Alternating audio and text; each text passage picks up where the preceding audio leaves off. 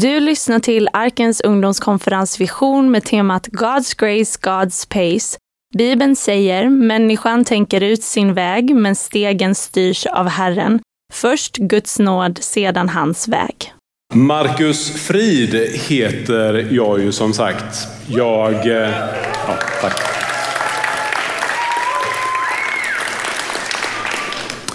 Jag bor i Jönköping. Jag... Precis. Precis. Ni hör vad man ska höra, höra hemma. Jag har eh, ett barn, en fru. I nuläget. Det är ju sånt som kan ändras. Alltså barn, inte fru. Men det behöver jag inte säga såklart. Jag har den stora glädjen att få jobba som lärare på teamträningsskolan. Och på Testamission. Ja, ja, kom igen. Absolut. Och så känner jag också som pastor i pingstförsamlingen i Taberg, Norrahammar.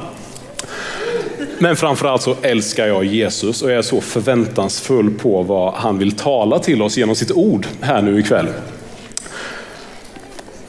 Det finns väl ingen av oss som egentligen gillar att gå till doktorn. Jag hörde att någon sa ja, men jag tror inte det stämmer.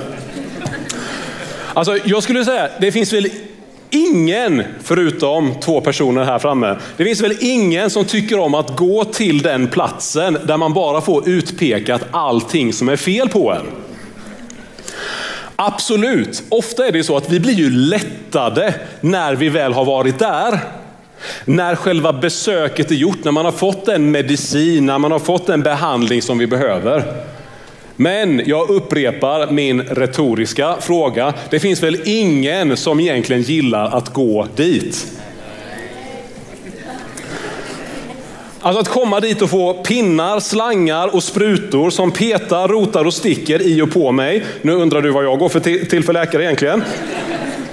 Man skulle ju gärna spola förbi den där obehagliga undersökningen på läkarmottagningen.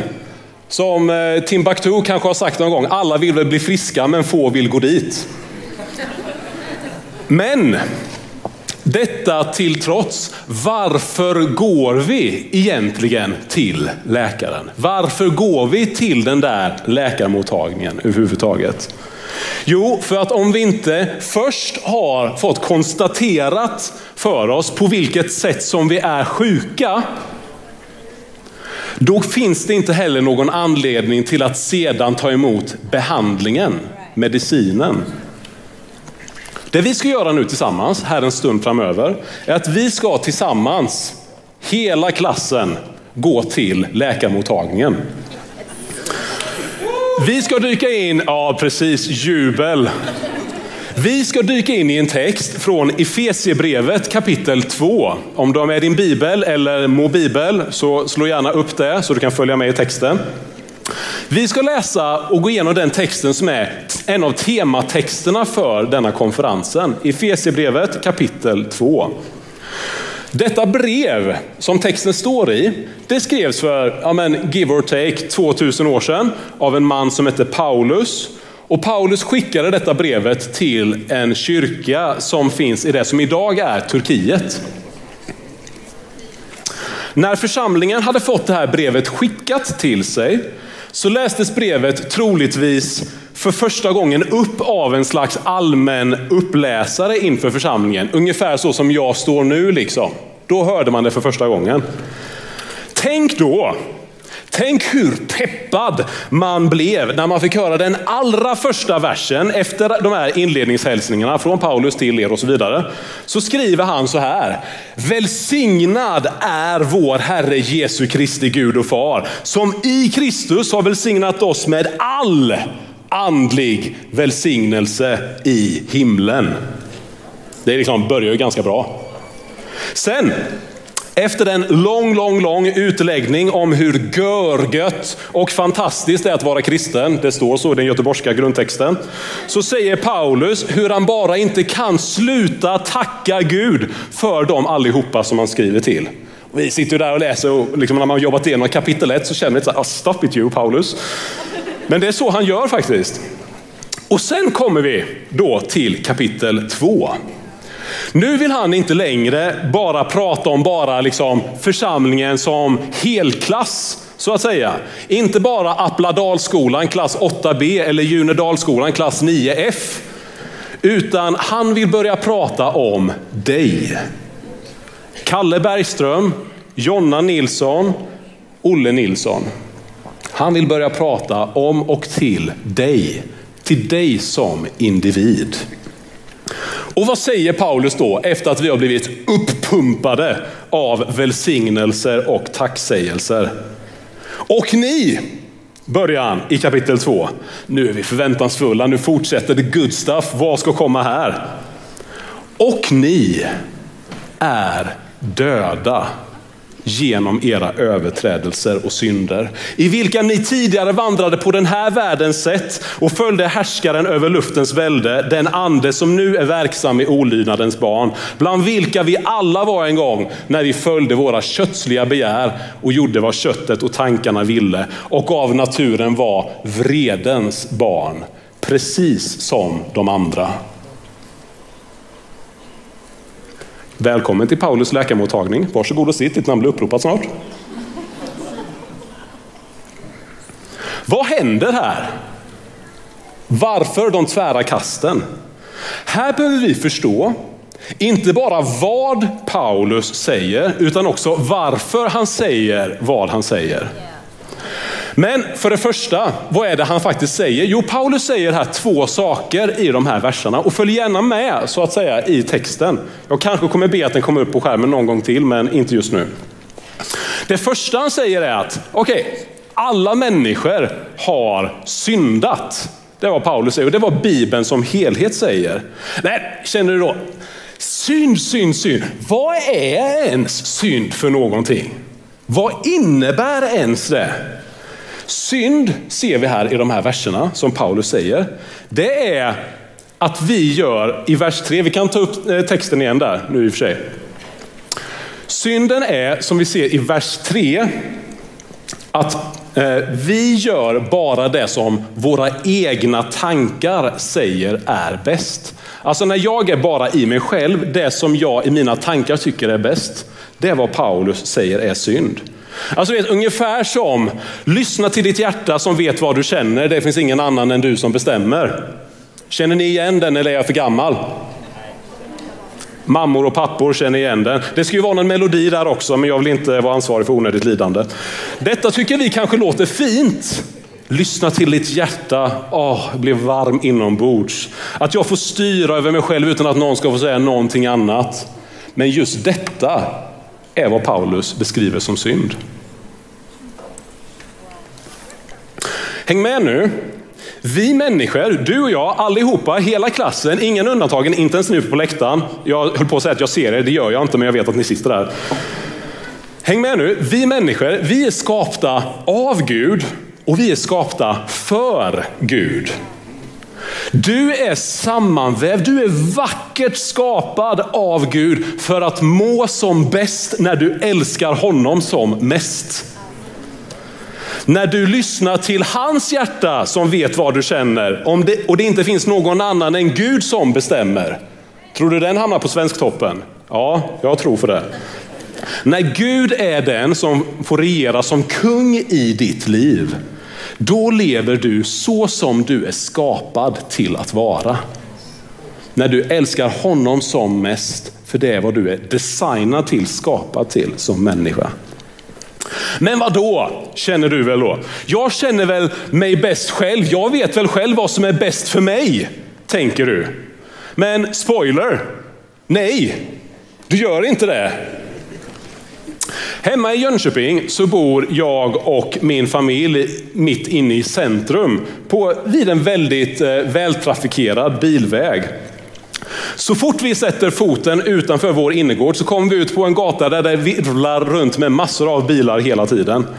Och mer ofta än inte så är Lian, min son, ett och ett halvt år gammal, då när vi går ut där och ska ta en promenix, som vi gjorde nu i morse senast när vi skulle gå till Ica. Mer ofta än inte så är Liam sugen på att kasta sig rätt ut i gatan där bilar susar åt båda håll. Ska jag då som hans pappa stå där vid sidan av på trottoaren, berömma honom och säga älskling, vad bra att du lyssnar till ditt hjärta som vet vad du känner. Det ska inte finnas någon annan än du som bestämmer. Bra jobbat. Nej, varför inte? Jo, för han vet inte själv vad som är bäst för honom. Hänger du med? Lyssna nu. Du och jag, alltså vi kan ju tycka att vi är ganska smarta. Jag kan tycka det ibland, men sen så blir man påmind att nej, det är du inte alls det. Du och jag, vi är spädbarn i Guds ögon. Han är så oändlig i sin kunskap och i sin vishet. Han vet vad som verkligen är bäst för oss. Och vi i oss själva, vi är som Liam, Gud välsigne honom, som kastar sig ut bland trafikerade gator och inte vet bättre. Synd Synd är helt enkelt när vi människor inte lever så som vi är skapade att leva. Synd är när vi inte älskar, när vi inte värderar och när vi inte lyssnar till Gud framför allt annat. Det är vad synd är.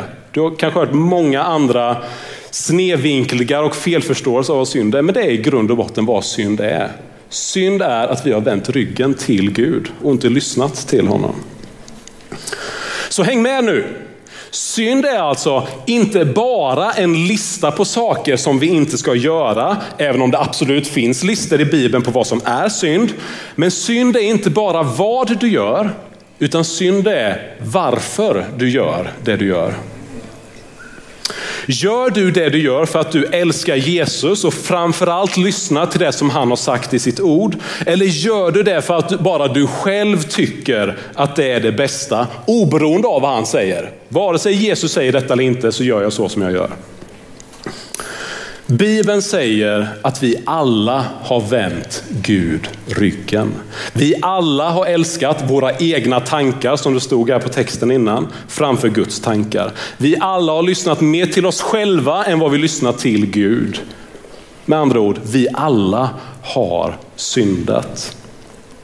Det är det första Paulus säger här. Och vad är då det andra han säger? Jo, då kommer vi till det andra nu som ni ska föra efter en cliffhanger av lite vattendrickande.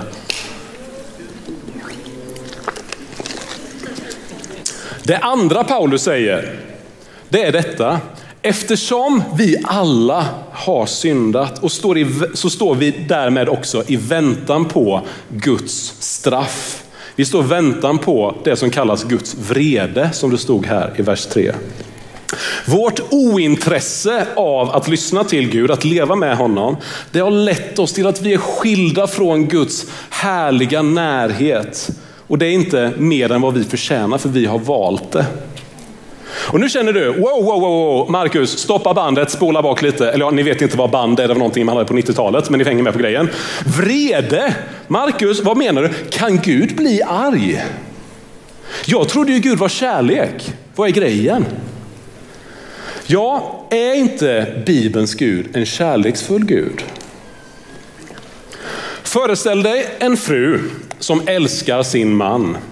Mannen är det mest dyrbara som denna kvinnan har i hennes liv. Och tänk dig att nu det här gifta paret någonstans här i Sverige, vi säger att det är en lördag, en lördagkväll, de sitter hemma, de umgås och mysfaktorn, den goda känslan, den är på topp. Det är liksom fredagsmys med kvalitetstid och ostbågar. Det är så gött som det bara kan bli. Det som man liksom i modern mening idag ofta skulle kalla för kärlek, absolut. Ja, ostbågar är ju kärlek. Men tänk dig nu den fruktansvärda tanken att mannen imorgon skulle gå och vara otrogen mot sin fru. Tänk dig att kvinnan får reda på detta hur borde hon reagera på denna nyheten? Borde hon snällt säga till honom när han kommer hem? Du älskling, jag hörde att du var otrogen mot mig idag. Var det kul? Gick det bra? Är det en rimlig reaktion att reagera så när man får reda på något sånt fruktansvärt? Nej, självklart inte. Om hon skulle vara happy clappy mot sin make, trots att han har prasslat runt med någon annan, då är hon inte kärleksfull, då är hon sinnessjuk. Och jag menar det på riktigt. För om något sånt skulle ske, då ska tallrikarna flyga mot väggen och krossas. Tårar ska flöda och hon borde bli svinarg, alltså riktigt PO'd på mannen för att han har gjort något sådant. Ja, jag menar alltså på riktigt. Och varför är det rimligt att hon beter sig på det sättet? Jo, för att relationen betyder så mycket för henne. Hon blir skitsur, rent ut sagt, ursäkta min franska, för att relationen är så värdefull för henne. Ju mer hon älskar honom, desto argare kommer hon bli när det uppstår en spricka i den relationen. På samma sätt är det med Gud. Guds vrede, Guds ilska över att vi har syndat, att vi har vänt honom ryggen. Det är kvittot, beviset på hur mycket han älskar oss.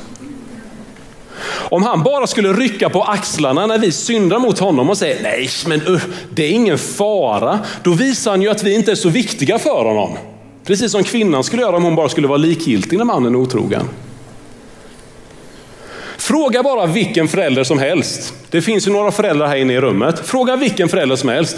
Hur mycket älskar du ditt barn? Kommer de svara, mer än något annat. Och så ställer du andra frågan. Hur arg kan du bli på ditt barn? Mer än på någon annan. Det är så. Och varför blir man som argast gentemot de som man älskar? Jo, för när det uppstår en spricka, då blir det såret så mycket djupare. Och reaktionen blir så mycket starkare. Alltså, en Gud som är lika happy clappy i sin inställning till frälsningsarméns soppkök ute på gatan, som han är till folkmord som sker borta i en annan världsdel. Den guden vill jag inte ha någonting att göra med. Den guden är sinnessjuk. Och jag menar det. Vår Gud blir inte arg trots att han är kärlek. Vår Gud blir arg just för att han är kärlek. För där visas hans hjärta hur mycket han verkligen älskar oss människor när vi har valt bort honom. Så bli inte rädd för den beskrivningen, utan förundras i den beskrivningen av vem Gud är. Så, okej okay då. Vad är diagnosen som doktor Paulus har satt på oss människor när vi har kommit så här långt? Vad har Paulus sagt? Jo, han har sagt att vi har varit otrogna mot Gud. Vi människor har syndat och därför står vi i väntan på det som är Guds straff. Att för evigt vara frånskilda från Guds närhet. Men nästa fråga är ju då, varför säger Paulus allt detta? Som jag sa, det är inte kul att gå till läkaren, men varför säger han det? Varför är detta det första som han säger när han börjar tala till dig och mig? Varför hamra in hur hjälplöst förlorade vi är oss själva? Jo, för att utan dåliga nyheter behövs inga goda nyheter. Utan sjukdom behövs det ingen medicin. Utan människans synd så behövs inte Guds nåd. För vad är då nåd för något? Jo, det börjar vi närma oss här nu. Guds nåd, det är när Gud i sin kärlek väljer att reagera gentemot oss människor som han älskar. Guds kärleksfulla reaktion, trots att vi har syndat gentemot honom. Det är vad Guds nåd är. För nu kommer vi till vers 4 då Paulus säger, men Gud. Oh yeah, nu blir det good stuff. Ordet men, tror jag. Ordet men måste ju vara något av de ljuvligaste orden i det svenska språket. Alltså, planet kraschade, men ingen dog. Du har cancer, men det finns ett botemedel. Ordet men kan rädda upp alla situationer som man befinner sig i och så också här. Från att Paulus först har ställt oss framför en spegel, vi har fått uppmålat för oss den här uh, dystra bilden, inte så roligt, av hur vi har betett oss gentemot Gud, så kommer nu räddningen i vers 4 och vi kan ta upp på skärmen. Först nu när vi har smakat på och insett hur bitter, hur fruktansvärd synden är, så kan vi sen smaka på hur söt och hur ljuvlig Guds nåd är. Vi stannar ju inte kvar i de första tre verserna.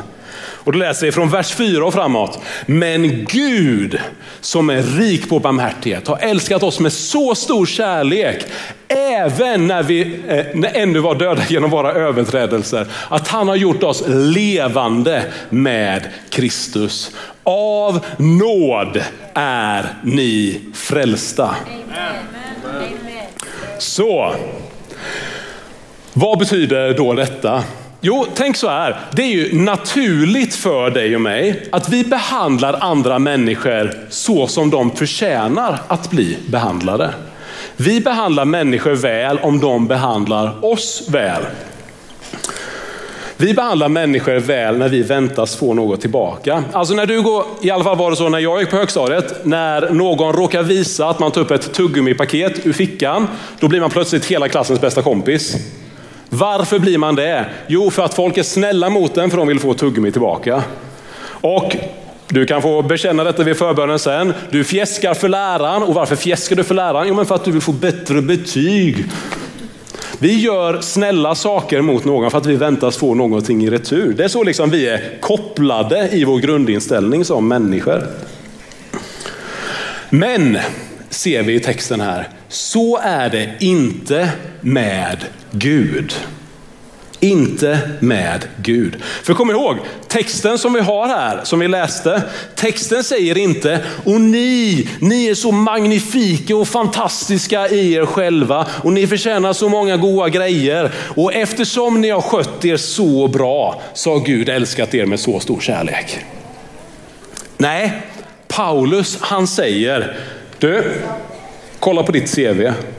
Kolla vad du har gjort. På så många sätt har du sårat Gud genom att du har struntat i vad han har sagt. Du har försummat honom, du har sårat honom. Du förtjänar inte i dig själv att komma till Gud. Men eftersom han älskar dig så djupt, så mycket, så har han valt att vara god mot dig ändå. Alltså, Guds kärlek om du vill ha någon slags enkel one-liner att komma ihåg från denna predikan, predikan. Guds kärlek stavas inte för att. Guds kärlek stavas inte för att, som är att Gud älskar oss för att vi har gjort oss förtjänta av det. Gud älskar oss trots att vi inte är förtjänta av det. Trots att vi har syndat så mot Gud så älskar han oss ändå. Och nu kommer dagens tips till dig, du som sitter här och har pojk eller flickvän. Häng med nu. Någon gång, någon gång kommer din partner att ha en dålig dag. Och då kommer du kanske få frågan uppkastad i ansiktet så här. Gulligullhjärtat. För det är ju så ni kallar varandra nu för tiden.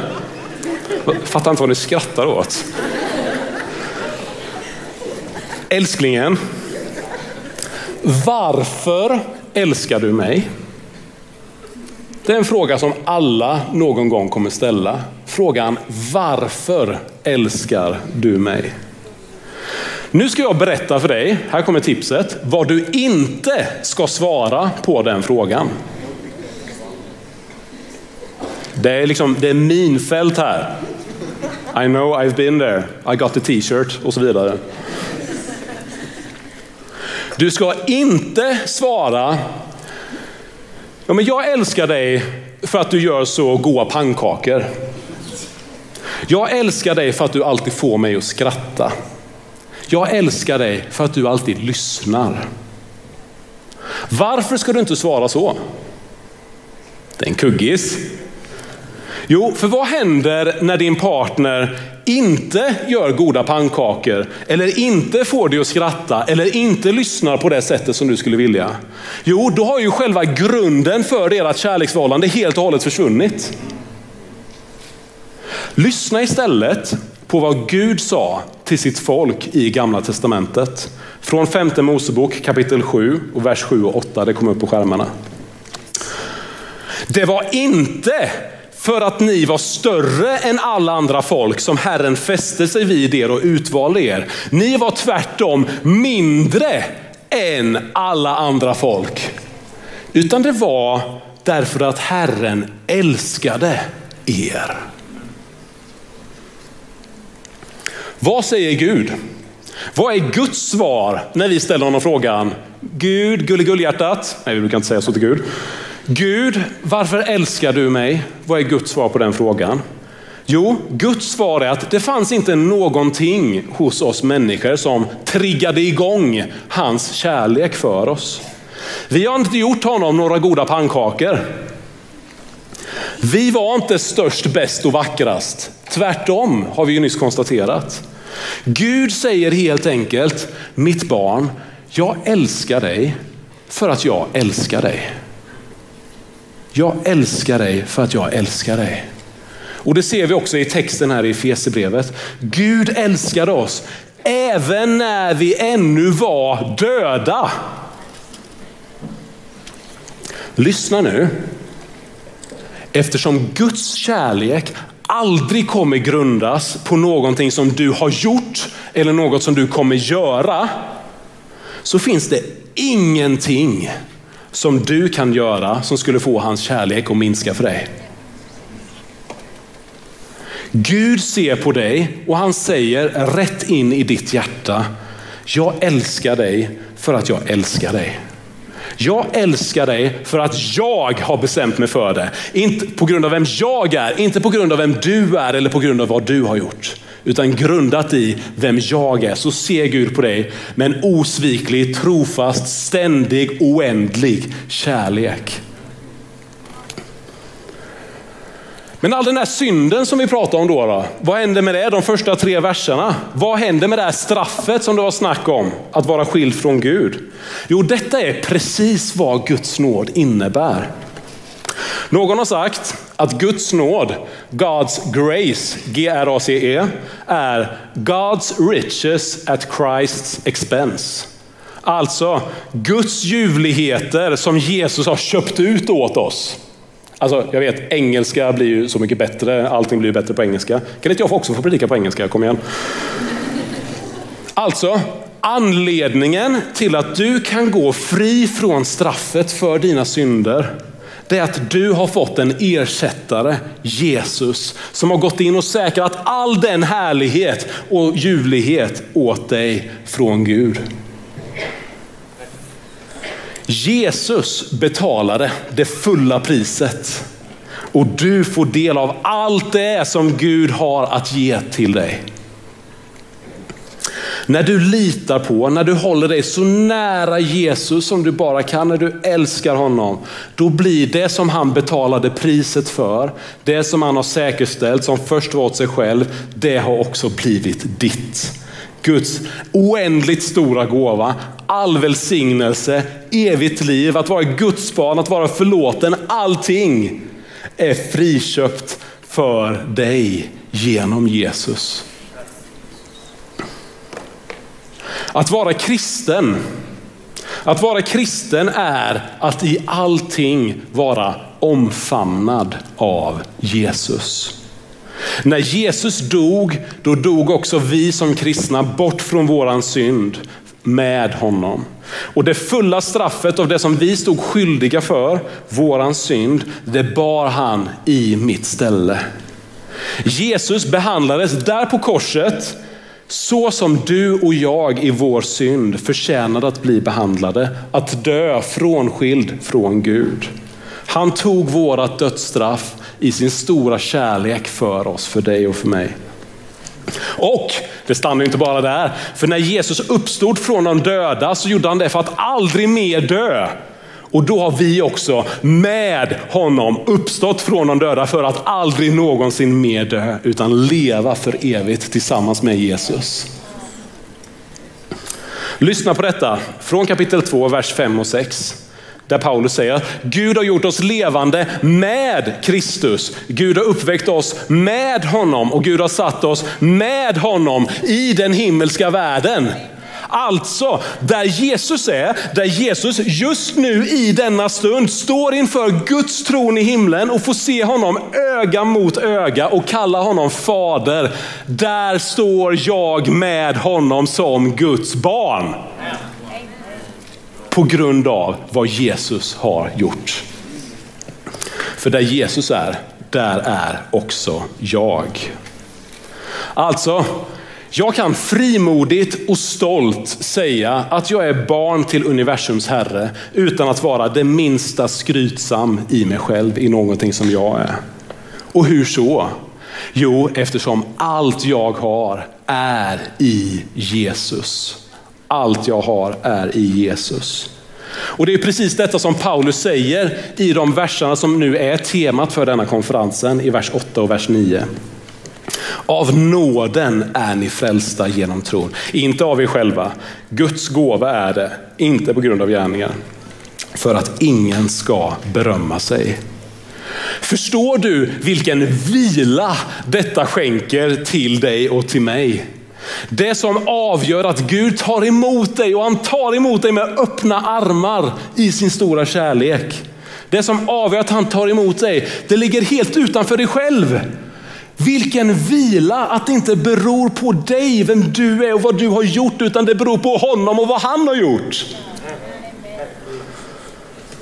Hans kärlek för dig, den står orubbligt fast eftersom den aldrig kommer baseras på dina gärningar, din förmåga att vara älskvärd inför Gud. Utan det beror alltid på honom och vad han har gjort på korset en gång för alla.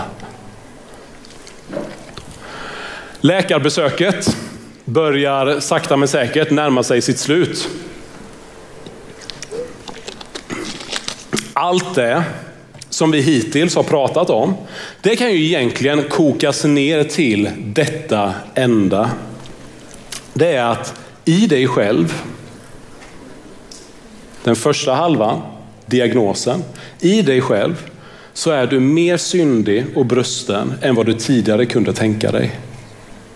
Men samtidigt är du mer älskad, mer accepterad, mer omfamnad i Jesus Kristus än vad du någonsin har vågat hoppas på. Paulus har satt upp en spegel framför oss för att vi själva ska inse vårt sjuka tillstånd i oss själva, hur vi har valt att vända honom ryggen. Men han har också talat om för oss att det inte är en obotlig sjukdom som vi brottas med. Där vi tidigare har hört de dåliga nyheterna så finns det nu räddning genom de goda nyheterna som Gud har gett oss. Mitt i vår hjälplöshet så kom han in genom Jesus Kristus. Det finns medicin, säger han. Det finns nåd att ta emot från Gud. Men, det är så här man predikar i Afrika.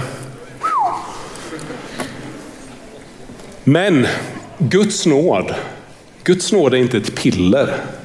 Guds nåd är inte en tanke. Guds nåd är inte en uppsättning med läror. Guds nåd är inte en filosofi som man ska rätta sig efter. Guds nåd är en person, personen Jesus Kristus. Du är inte räddad och förlåten och Guds barn på grund av vad du har gjort, utan på grund av vad han har gjort. Han är Guds nåd för oss. Han har med sin död dödat döden. Säg det fem gånger snabbt. Med sin död har Jesus dödat döden och i hans liv lever vi ett evigt liv. Med sin död har han dödat döden och i hans liv lever vi ett evigt liv. Det är evangeliet, det är grundbudskapet i den kristna tron. Det som gör att vi kan leva tillsammans med Gud, leva tillsammans med Jesus. Det är det som är de goda, ljuvliga, underbara, medicinska nyheterna där vi förr var lämnade åt oss själva. Det är fantastiskt, det är goda nyheter. Lovsångsteamet kan få komma fram så ska vi börja gå ner för landning och avsluta. Allt för ofta allt för ofta har vi som kristna pratat om Jesus som ett medel. Vi har pratat om Jesus som en väg. Alltså Jesus har varit ett verktyg eller en metod, ett sätt att komma fram till slutmålet som vi vill nå fram till. Där målet är att om jag vill leva för evigt. Kan Jesus hjälpa mig att komma dit? Ja, men bra, då hakar jag på Jesus så kommer jag fram till mitt slutprojekt där borta. Vi tänker oss himlen som att leva för evigt bredvid det oändligt stora muffinsbordet och flödande Coca-Cola-fontäner och kanske flygande jättebebisar med harper och kärlekspilar och så vidare. Men hur ofta tänker vi att himlen framförallt är där Jesus är? Jag vill inte ikväll bara bjuda in dig till att tro på Jesus så att du blir frälst. Som om Jesus bara skulle vara E4 som du behöver hoppa på för att komma fram till ett gött ställe där Jesus inte längre har huvudrollen. Jesus är vägen till Gud. Det är sant. Men Jesus, han är också målet. Han är slutdestinationen. Jesus säger inte bara att han är vägen till evigt liv. Jesus säger orden, jag är livet. Inte, jag har livet som jag kan sprinkla lite på ditt eviga liv i övrigt här. Utan Jesus säger, vill du komma till himlen? Jag är himlen. Jesus är slutmålet som vi ska komma till. Med andra ord, jag vill inte bjuda in dig till att tro på Jesus för att komma till himlen och du liksom så här passerar Jesus i förbifarten och säger tack, tack, kul, vi ses någon gång. Jag vill bjuda in dig till att älska Jesus. Till att älska personen Jesus.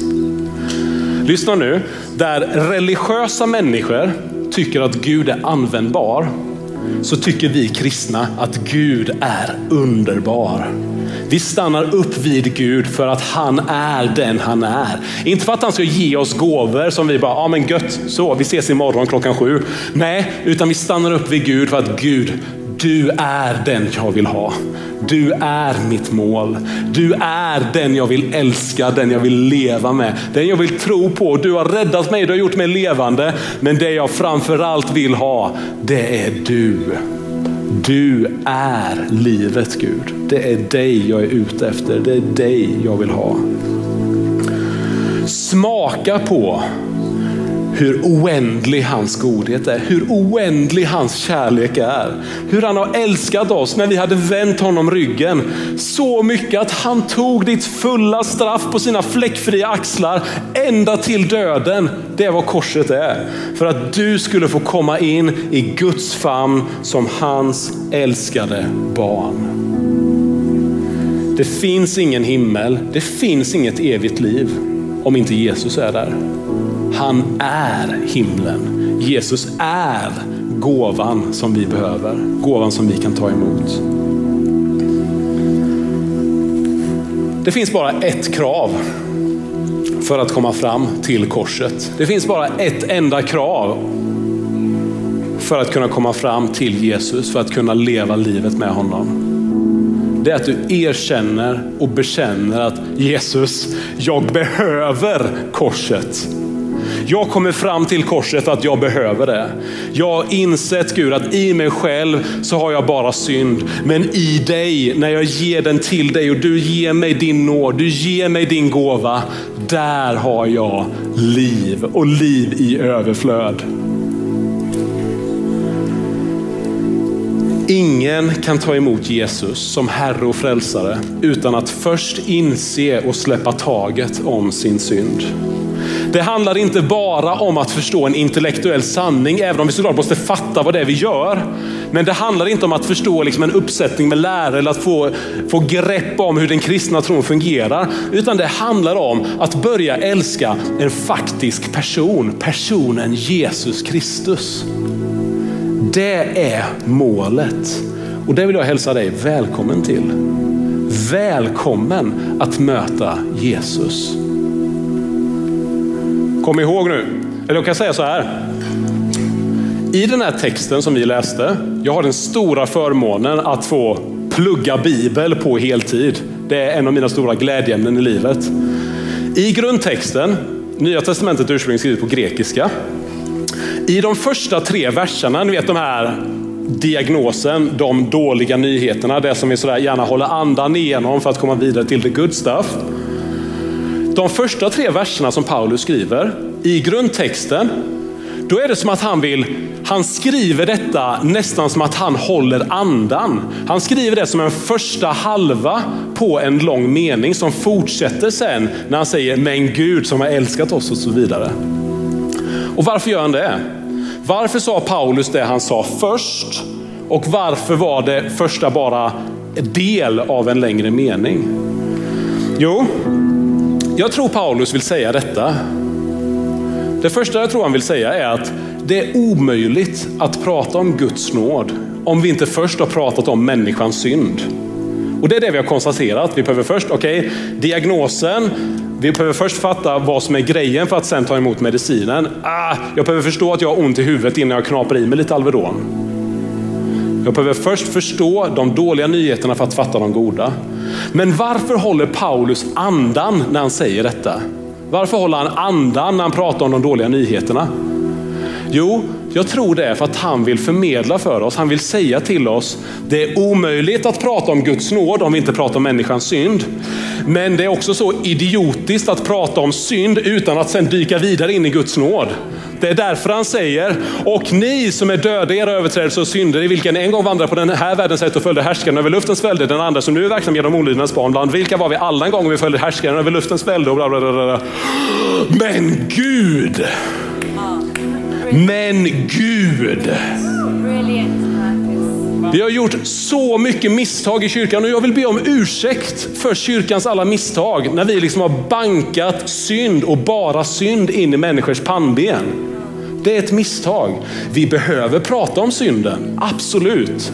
Men låt oss aldrig prata om synd utan att prata om Guds nåd. Hänger ni med?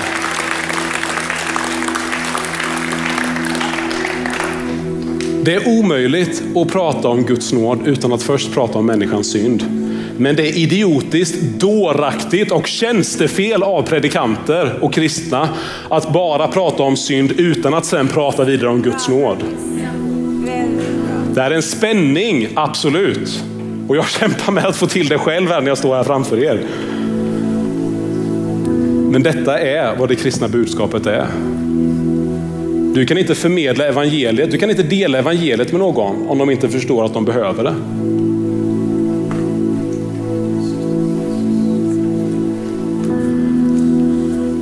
Det kommer finnas möjlighet nu att få gensvara på Guds tilltal genom sitt ord. Och kom ihåg detta, alltså efter den här nu, vad kan det vara, halvtimman som jag har stått här och babblat på. Du kanske känner bara, jag är inte, jag är inte helt såld på Markus grej. Jag vet inte riktigt om jag håller med om exakt det han sa. Bara, Fine, absolut, du behöver inte det. Men det finns vissa saker som jag sa som inte var mina ord, utan som var Guds ord. Så om jag skickar med dig en utmaning, om du sitter där, om du är skeptisk, om du känner bara, mm, nej, vill hellre sitta och spela doodle jump. Det gjorde jag i alla fall när jag lyssnade på tråkiga predikningar. Det är väl ingen som ens vet vad doodle jump är för något. Om du känner att nej, jag är inte så såld på Markus grej, det som han har sagt där. Okej, okay. men får jag bara utmana dig med en sak då? Gå tillbaka själv och läs den texten som vi pratat om nu. Läs Efesierbrevet kapitel 2. Läs verserna där det står om vårt behov av Gud, hur vi är hjälplösa utan Gud. Men läs också, håll andan in i när, han, när Paulus pratar vidare om de goda nyheterna, om medicinen, om Guds nåd som vi får ta till oss. Hur Gud har älskat oss och hur vi är oförtjänt, villkorslöst räddade av Guds nåd, av hans stora kärlek.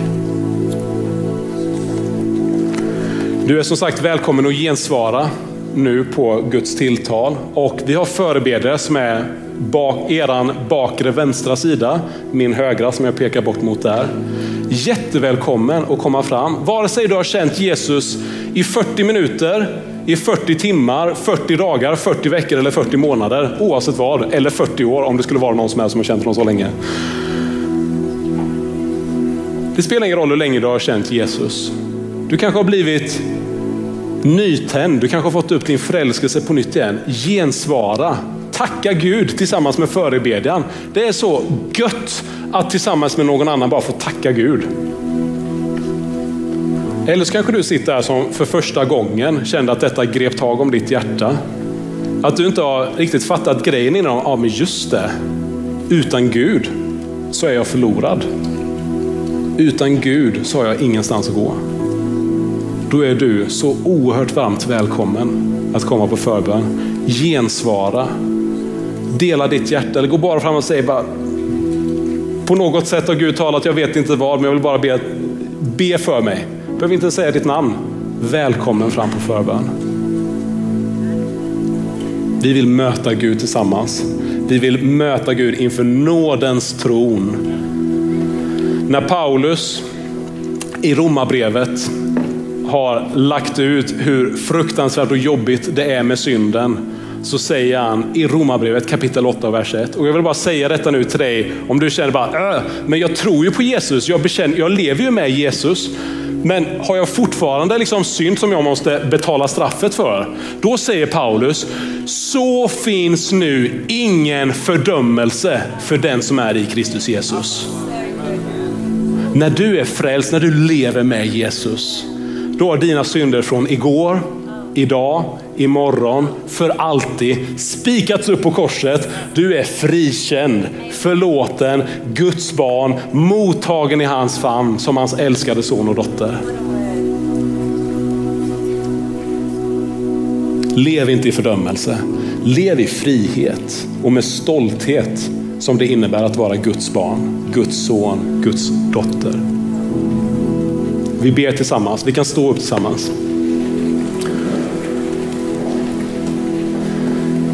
Gud, vi tackar dig och vi tackar dig för att du har visat oss de dåliga nyheterna. För när vi ser de dåliga nyheterna, Gud, när vi ser spegelbilden av oss själva utan dig, då förstår vi att vi bara måste kasta oss mot dig, kasta oss mot ditt kors och be om din förlåtelse, om ditt liv och liv i överflöd över våra hjärtan. Tack Gud för den nåd som du visade.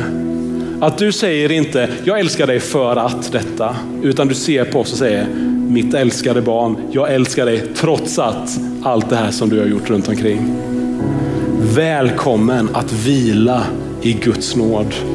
Älskade vän, älskade vän. Välkommen att ta emot Jesus. Gud, jag vill bara be om välsignelse över denna gudstjänst. Jag vill be att du ska röra vid våra hjärtan, påminna oss om de goda nyheterna, kärnan i vad det innebär att tillhöra dig. Jesus, jag ber att du ska fylla oss med din ande, göra oss medvetna om att du är här, att du vill möta oss, att du vill tala till oss, att du vill tala genom oss. Och dra alltid våra blickar mot korset där vi får se din nåd. Hur du klev ner, hur du blev människa för att bära all vår synd så vi skulle få bära allt ditt liv och i dig få bli Guds barn. Välsigna resten av denna stunden. Kom i din ande och led oss. Dra oss närmre Jesus, närmre i kärlek till slutmålet som är du, Jesus Kristus, dig som vi älskar. I Jesu namn ber vi. Amen.